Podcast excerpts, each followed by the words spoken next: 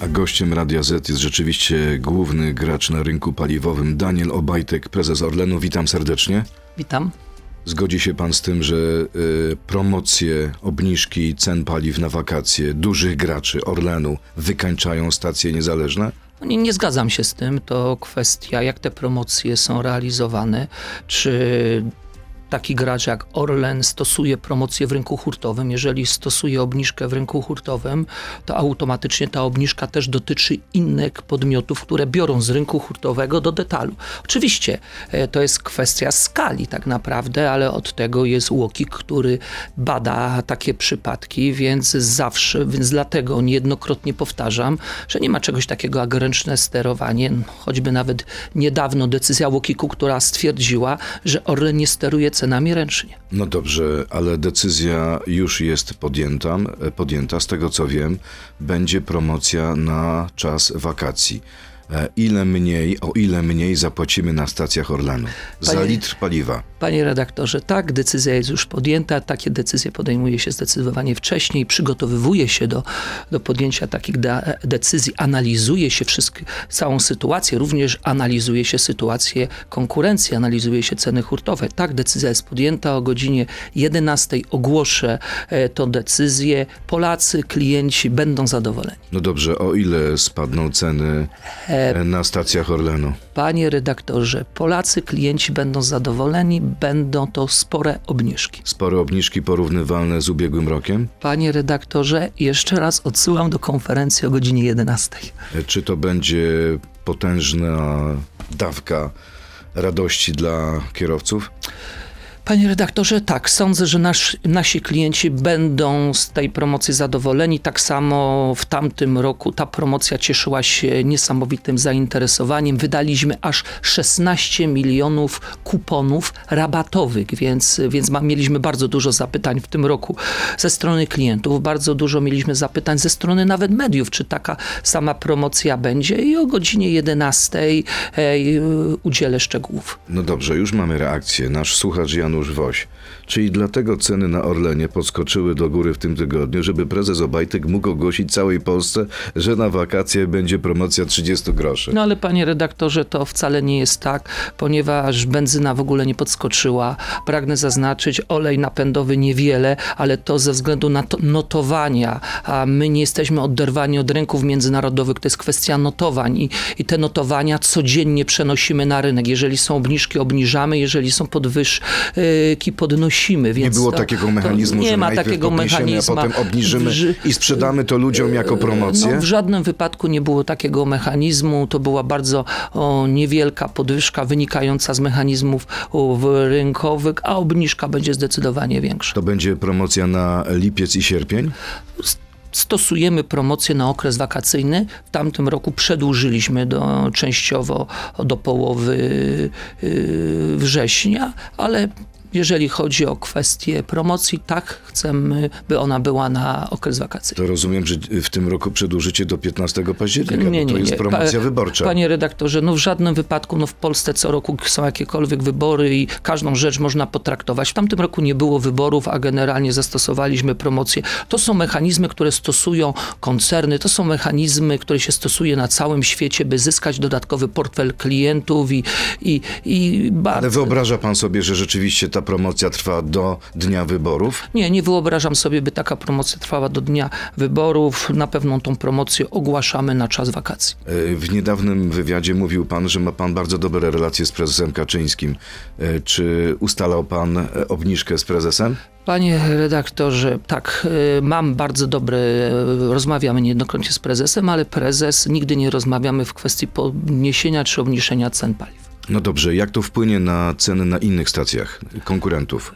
Panie redaktorze, ale my wprowadzamy pewne trendy na rynku i w tamtym roku generalnie, jeżeli wprowadziliśmy obniżkę cen, również inne użytkownicy rynku zastosowali tą obniżkę generalnie. Przecież nie tylko my dostarczamy paliwa do tych stacji, że ponad 5 milionów ton jest importu paliw z rynków innych Ale zewnętrznych. zarabiacie bardzo dużo, macie niesamowite zyski, Ale, krociowe, nadmiarowe. no- Czy nie można obniżyć jednak jednak y, Ale, więcej? No panie redaktorze, wie pan, wszystko można, ale przez to możemy bardzo szybko zniszczyć gospodarkę. No przecież proszę pana, W jeżeli będzie... sposób? No to już panu powiem, dam panu przykład gospodarkę węgierską i to, co zastosowali Węgrzy, gdzie ustalili sztywną cenę 5 zł ileś i w ciągu y, tam paru miesięcy dosłownie brakło paliwa, brakło produktu, zachwiał się całkowicie import do tego kraju, więc y, stacje były sparaliżowane, brak paliwa. Nie ma czegoś takiego w gospodarce wolnorynkowym, by zakłócić te mechanizmy, bo jeżeli panie redaktorze zakłócimy Co by mechanizmy... się stało, gdybyście obniżyli o więcej To już procent? panu powiem, co by się stało. 5 milionów y, ton ponad jest importu do Polski. Jeżeli byśmy obniżyli bardzo mocno paliwa, to automatycznie nie wlałby się import do Polski. Co za tym idzie, brakłoby paliwa w Polsce.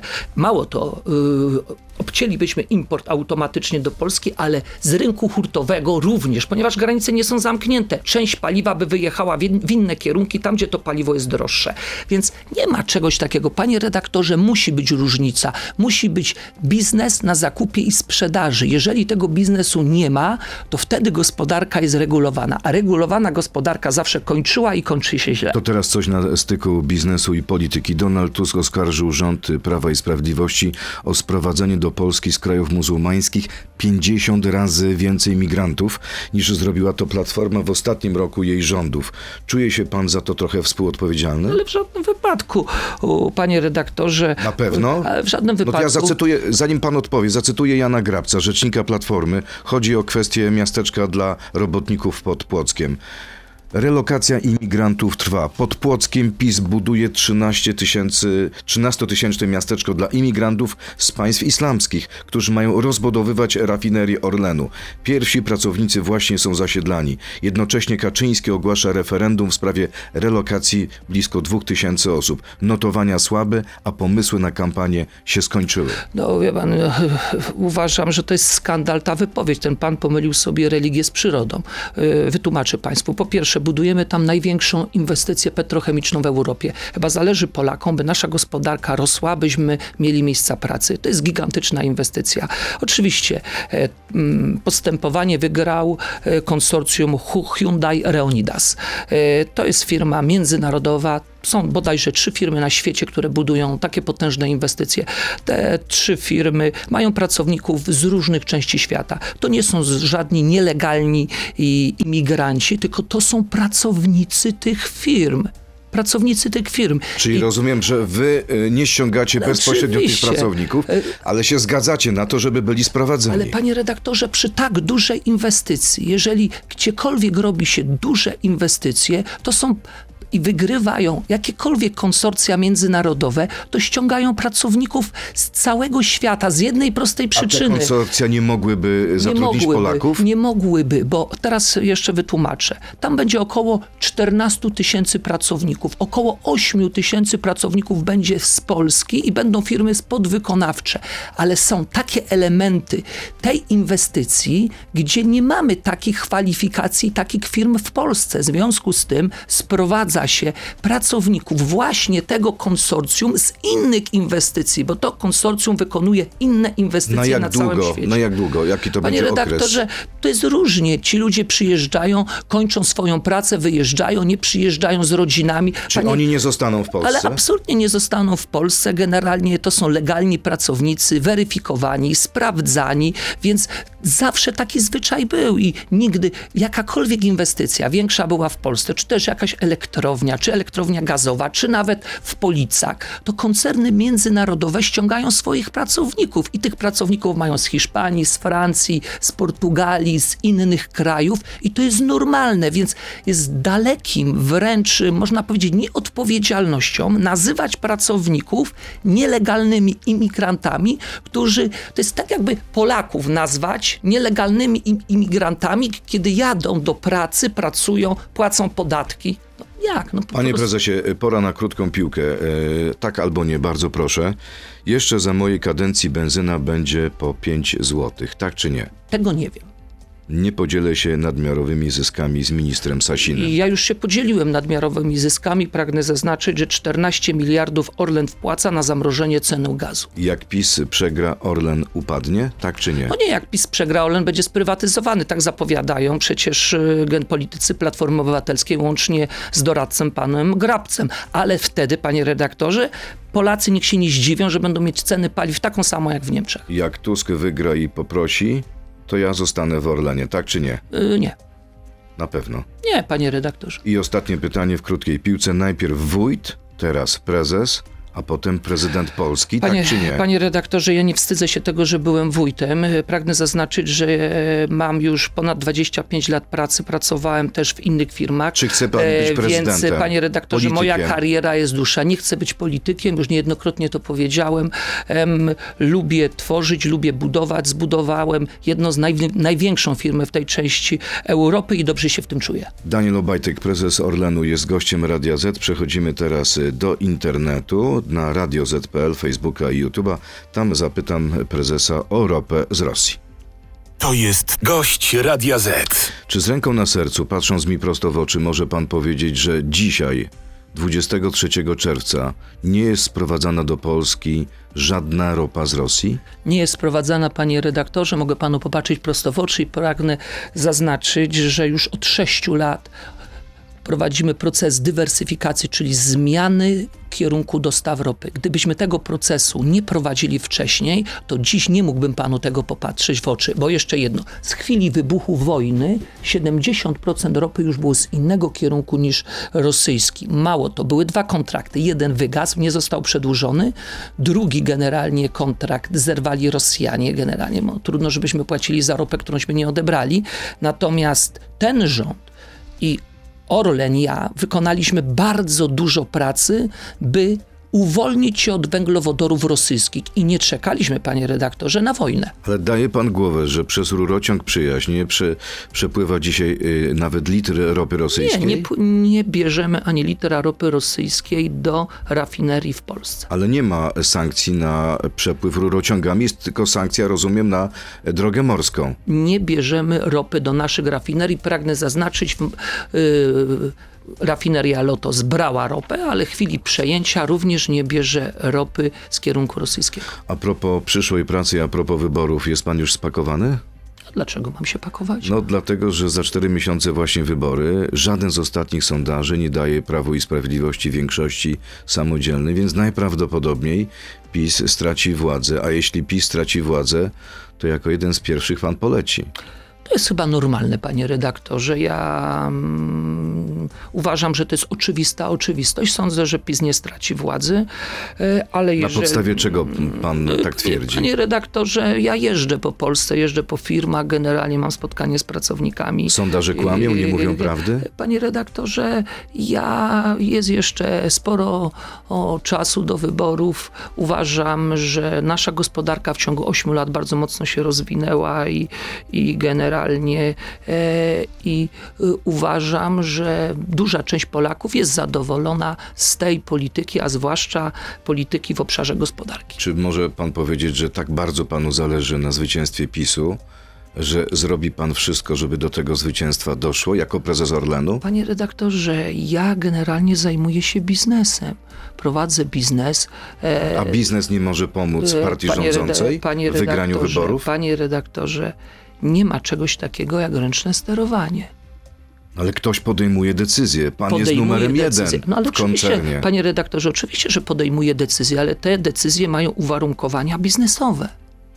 Czyli nie podejmie pan żadnej decyzji, która Panie redaktorze, podejmujemy Zaszkodzi takie firmie. decyzje. Nie mogę podjąć jakiejkolwiek decyzji, która by zaszkodziła firmie i już niejednokrotnie dałem temu No przykład. dobrze, ale pan mówi, że jeśli PiS straci władzę, to będzie ze szkodą dla firmy. Ale oczywiście, że będzie ze szkodą dla firmy, ponieważ Czyli jest, logiczne byłoby, żeby pomóc y, władzy, żeby PiS nie stracił władzy, bo to będzie dobre dla Orlenu. Panie redaktorze, ja ponoszę pewną odpowiedzialność przed akcjonariuszami i instytucjami. I nie ma czegoś takiego jak ręczne sterowanie.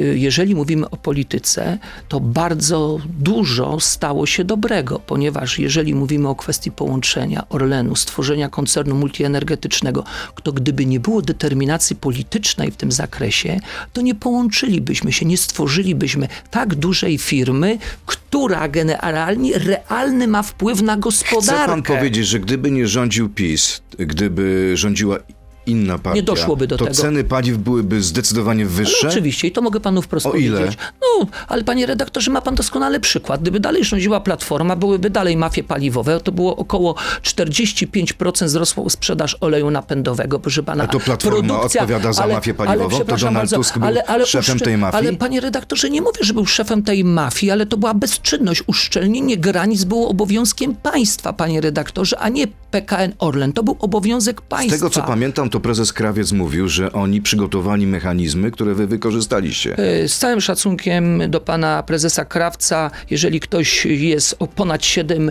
lat prezesem koncernu i wypowiada się, że miał przygotowane rozwiązania, które były na biurku, to dla mnie jest to śmieszna wypowiedź i traktowanie ludzi A niepoważnie. ja, na jakiej podstawie pan twierdzi, że jak y, Platforma przejmie władzę w Polsce, to Orlen zostanie sprywatyzowany? Na podstawie wypowiedzi, panie redaktorze, choćby pana Grabca, który wprost powiedział, że Orlen generalnie powinien być sprywatyzowany. rzeczniku Platformy, E, tak? Nie, mówię o głównym doradcu, doradcy finans, e, głównym ekonomicznym Platformy.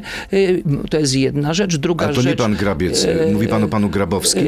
Panu Grabowski, przepraszam. O panu tak, ale on jest niezależnym ekonomistą. ale Platforma się od przepraszam bardzo, odcina. no raz się odcina, raz się nie odcina, ale proszę zobaczyć, co mówi pan Balcerowicz, który sympatyzuje z Platformą, co mówi pan Petru, który sympatyzuje z Platformą. Platformę. E, No, proszę pana, raz krytykują, raz nie ty- krytykują e, generalnie, a jeżeli mówimy o Platformie, przecież około tysiąc spółek było sprywatyzowanych za czasu Platformy Obywatelskiej. E, Jeżeli pan mówi o cenie paliw, panie redaktorze, te ceny paliw były bardzo mocno w tym czasie, kiedy rządziła Platforma przez mafie paliwowe, te ceny były bardzo wysokie w tamtym czasie. E, Z jednej prostej przyczyny, bo jeżeli w ciągu co się liczy w produkcji? Liczy się czas wyprodukowania największej ilości paliwa. Jeżeli ma pan bardzo dużo mafii paliwowej i dużo paliwa wlewa się panu do Polski, to pan ogranicza przerób rafineryjny. Ograniczając przerób rafineryjny, obciąża pan mniejszą ilość wyprodukowanego paliwa większym narzutem tak naprawdę. Więc to są fakty, panie redaktorze. To teraz y, fakty związane z pytaniami naszych słuchaczy. Poproszę o krótkie odpowiedzi, bo jest tych pytań y, sporo. Pan Grzegorz, mając na uwadze dzisiejsze ceny ropy i notowania dolara, czy jest pan w stanie dać słowo honoru, że ceny paliw są najniższymi z możliwych i Orlen nie wykręca tutaj rekordowych marsz? Ale panie redaktorze, to ja odsyłam do raportu generalnie, który niedawno y, przecież jesteśmy nadzorowani i przez różnego rodzaju instytucje i Łokik niedawno wprost powiedział, że Orlen nie sterował ręcznie i nie tylko Łokik, ale również y, konsultowano to z Komisją Europejską i zgodnie z orzeczeniami Trybunału Europejskiego w tej sprawie, więc nie ma takich, my nie możemy stosować takich mechanizmów. Oczywiście jest pewna granica, a, która jest tak zwana związana z marżą, ale staramy się, by ta marża była najniższa. I mało to, wyniki w detalu również to pokazują, bo jeżeli pan redaktor prześledzi wyniki detalu, między trzecim, czwartym a pierwszym kwartale, to cały czas w detalu mamy spadki po 200 Czyli chce pan milionów. powiedzieć, że kierowcy, którzy tankują na Orlenie powinni być szczęśliwi? Kierowcy, którzy tankują na Orlenie, tankują w polskiej firmie, która ma odpowiednią markę, a nasze stacje są jedne z najlepszych stacji w Europie, panie redaktorze. Kolejne I pytanie. powinniśmy być dumni z tej firmy. Natomiast, panie redaktorze, również jest konkurencja, która niejednokrotnie, niejednokrotnie ma wyższe ceny, nie bierze od nas paliwa w rynku hurtowym, tylko bierze w innym rynku hurtowym. Generalnie o tym się nie Ale mówi. nie jest tak, że gdybyście obniżyli y, mocniej, więcej, to wykosilibyście konkurencję? Ale my nie możemy takich takich mechanizmów ro- robić, Dlaczego? panie redaktorze, bo to jest niezgodne z prawem. Byłoby wykorzystywanie pozycji. I my nie mamy pozycji monopolisty w Polsce, Czyli panie byłaby redaktorze. interwencja Unii Ale Europejskiej? Oczywiście, byłaby błyskawicznie e, łokiku interwencja i Unii Europejskiej. To byłyby potężne kary idące w setkach milionów. Nie można takich mechanizmów, panie redaktorze, Mateusz, stosować. pan Mateusz, czy Orlen zamierza obniżyć marżę na paliwo w okresie wrzesień-październik? Panie redaktorze, będziemy stosować się do mechanizmów rynkowych. Grzegorz Jankowski, podczas ostatniej rozmowy w Radiu Z zapytałem pana, czy zdaje pan sobie sprawę, ile wynoszą zarobki pracowników stacji paliw sygnowanych logo Orlenu.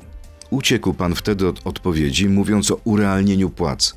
Chciałbym się zapytać, czy zadał pan sobie trud, aby tę wiedzę uzupełnić i dziś zna pan odpowiedź na to pytanie. I znów, czy są to zarobki adekwatne do obowiązków pracowników? Pozdrawiam serdecznie, pracownik. Panie redaktorze, mamy 65 tysięcy ludzi generalnie w firmie. Staramy się generalnie podnosić zarobki co roku, negocjować ze związkami zawodowymi i dziś, panie redaktorze, w grupie Orlen mamy spokój społeczny.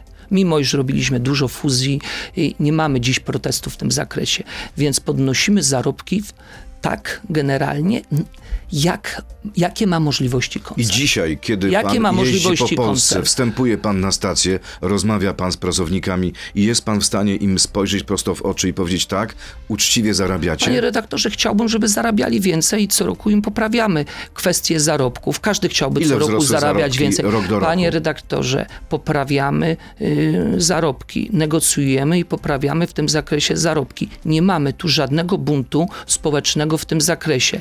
I pragnę zaznaczyć, że nie będę e, w studiu rozkładał zarobki. Różne są zarobki, zależy od rodzaju wykonywania pracy, więc to nie jest Czy jest zestandaryzowane, że wszyscy na to, mają że w równo. najbliższym czasie, dzięki temu, że jesteście w tak świetnej kondycji, pracownicy otrzymają podwyżki? Ale panie redaktorze, pracownicy co roku otrzymują podwyżki.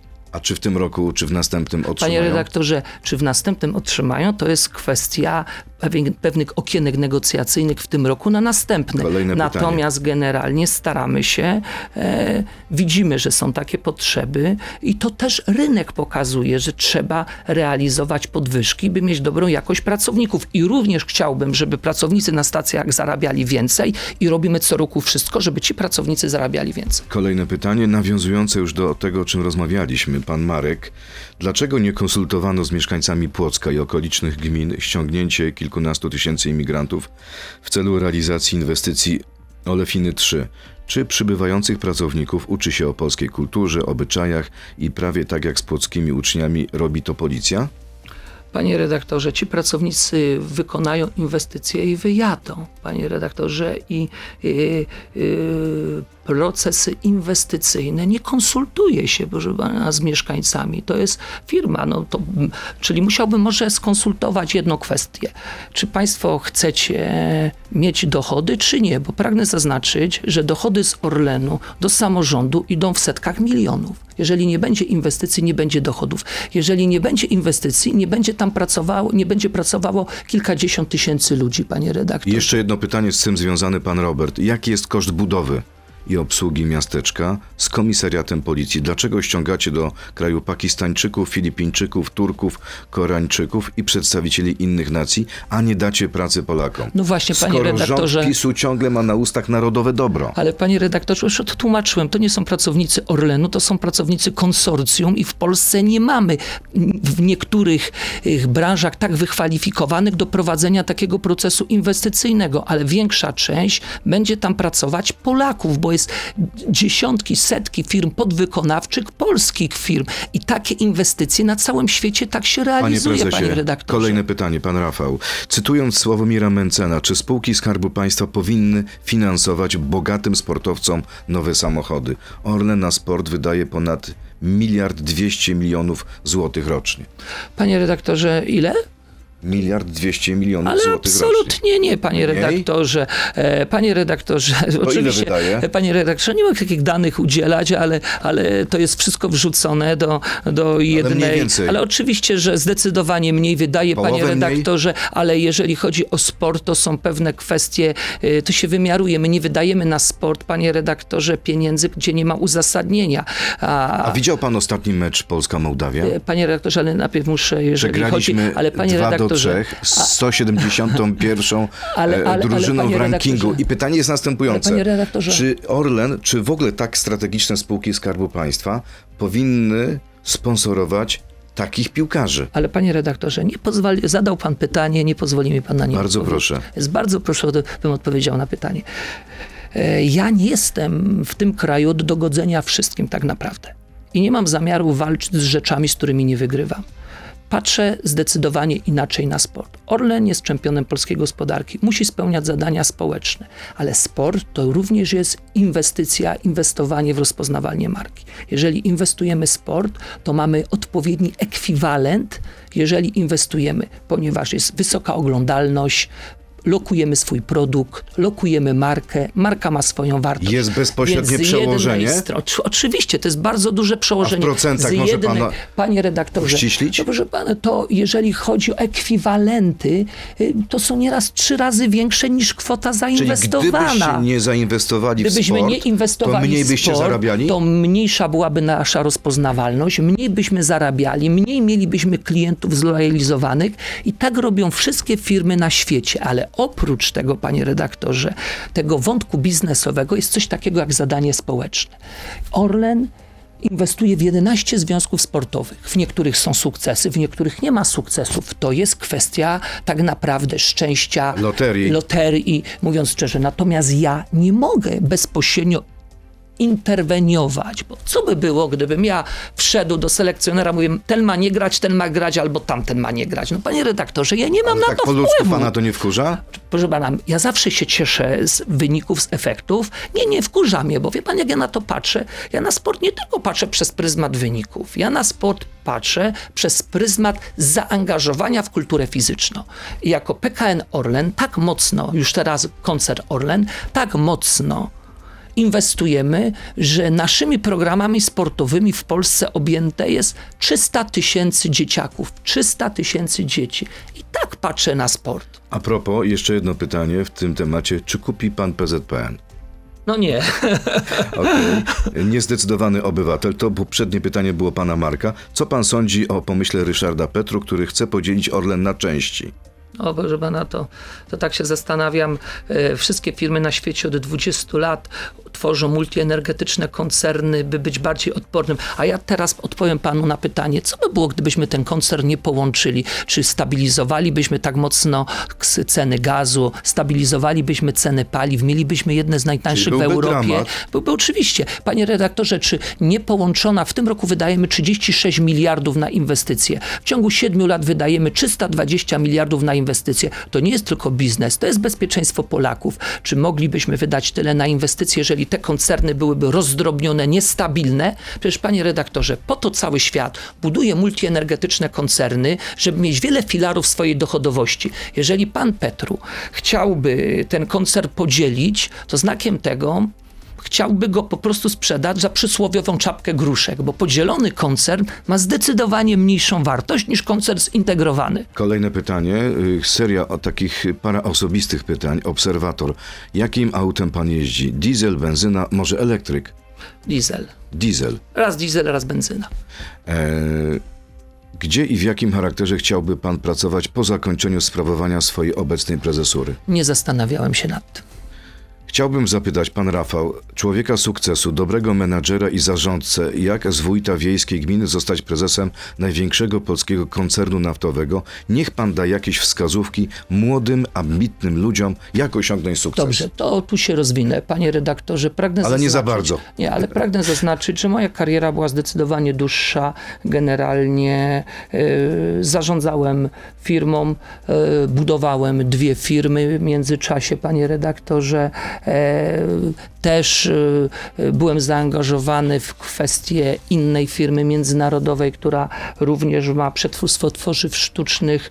E, byłem jeszcze, proszę pana, prezesem Agencji Restrukturyzacji, byłem prezesem Energii. Moja ścieżka i kariera jest zdecydowanie dłuższa, ale też byłem w prywatnym biznesie, panie redaktorze. Bardzo coś, długo byłem w żeby prywatnym do biznesie. stanowiska, które- ale które musi, pan w tej chwili pełni. Ale Jakby musiał pan to mnie, określił, ale, ale musi, musi cechę. ale panie redaktorze, musi pan, musi pan wiedzieć, że już mam 47 lat. W związku z tym moja kariera zawodowa jest zdecydowanie dłuższa. Ja nigdy nie wstydzę się kariery, y, że między w tej mojej karierze życiowej było zarządzanie gminą. Bardzo cenię samorządowców w tym zakresie, ale moja ścieżka kariery była zdecydowanie dłuższa. Więc spłycać moją karierę od wójta do Orlenu to jest y, nie do końca uczci, uczciwe, panie wiem, redaktorze. co pan w tym powie na to pytanie. Zakresie. Natomiast pragnę zaznaczyć ciężką pracą, ponieważ cały czas ciężko pracowałem generalnie.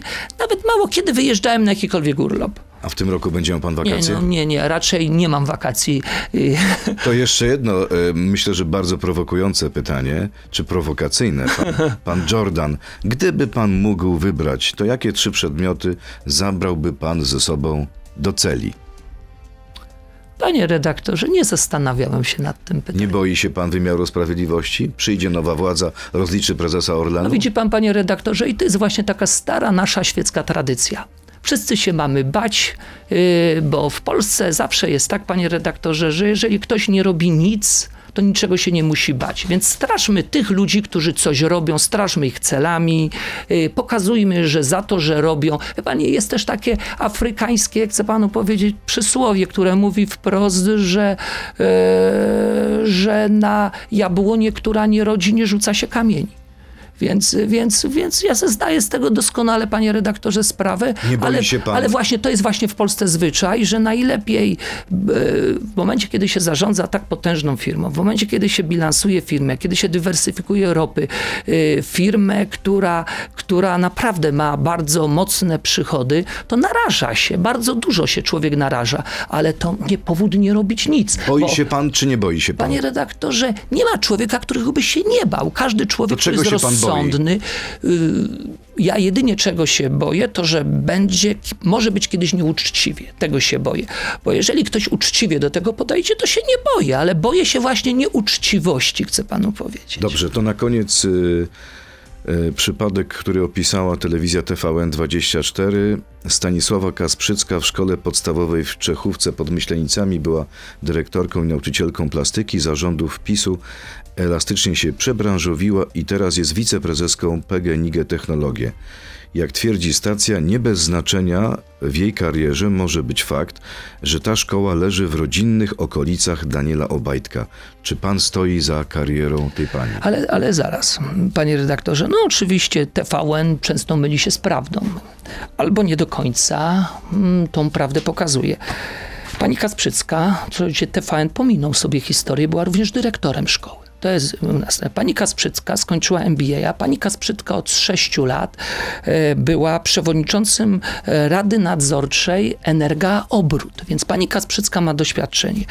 Ta spółka, którą pan wymienił, jest bardzo niewielka spółka, zajmująca się praktycznie częściowo administrowaniami w zakresie technologii. Pani Kasprzycka pod, przystąpiła do konkursu. Pani Kasprzycka została powołana przez Radę Nadzorczą, między innymi tej spółki, więc pani Kasprzycka wyciąga się tylko fragment jej historii zawodowej, a nie wyciąga słowem- się całej historii. Jednym słowem, to jest fachowiec.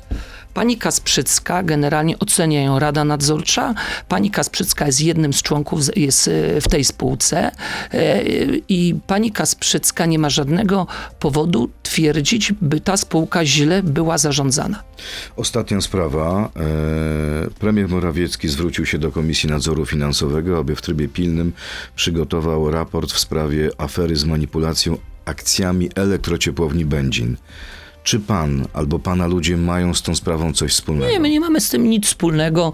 Generalnie oświadczenie już wydała spółka Orlen Syntos e, Green Energy w tej sprawie. To jest wasza spółka? E, To, jest spółka współkontroli 50% na 50% e, generalnie. Natomiast panie redaktorze pragnę zaznaczyć, że my postępujemy zgodnie z przepisami prawa i ta spółka również postępuje zgodnie z przepisami prawa. Jeżeli firma podpisuje e, NDA, jeżeli y, rozmawiamy generalnie. Czyli umowę o poufności, E, tak? umowę o poufności. No właśnie, Ktoś dlaczego próbuje, podpisał umowę o Ale proszę poufności? pana, my z dziesiątkami firm podpisujemy umowę o poufności, ponieważ rozmawiamy, analizujemy lokalizacje, a nawet te siedem lokalizacji, które zostało podanych, są to wstępne lokalizacje tak Tam naprawdę. miały być te małe reaktory atomowe w Będzinie. Panie redaktorze, ja nie wiem, czy miały być małe e, reaktory. No ale List o o poufności, list o poufności, jak gdyby, to nie jest żadna kwestia decyzyjna. Jeżeli ktokolwiek z drugiej strony, jak gdyby to wykorzystuje,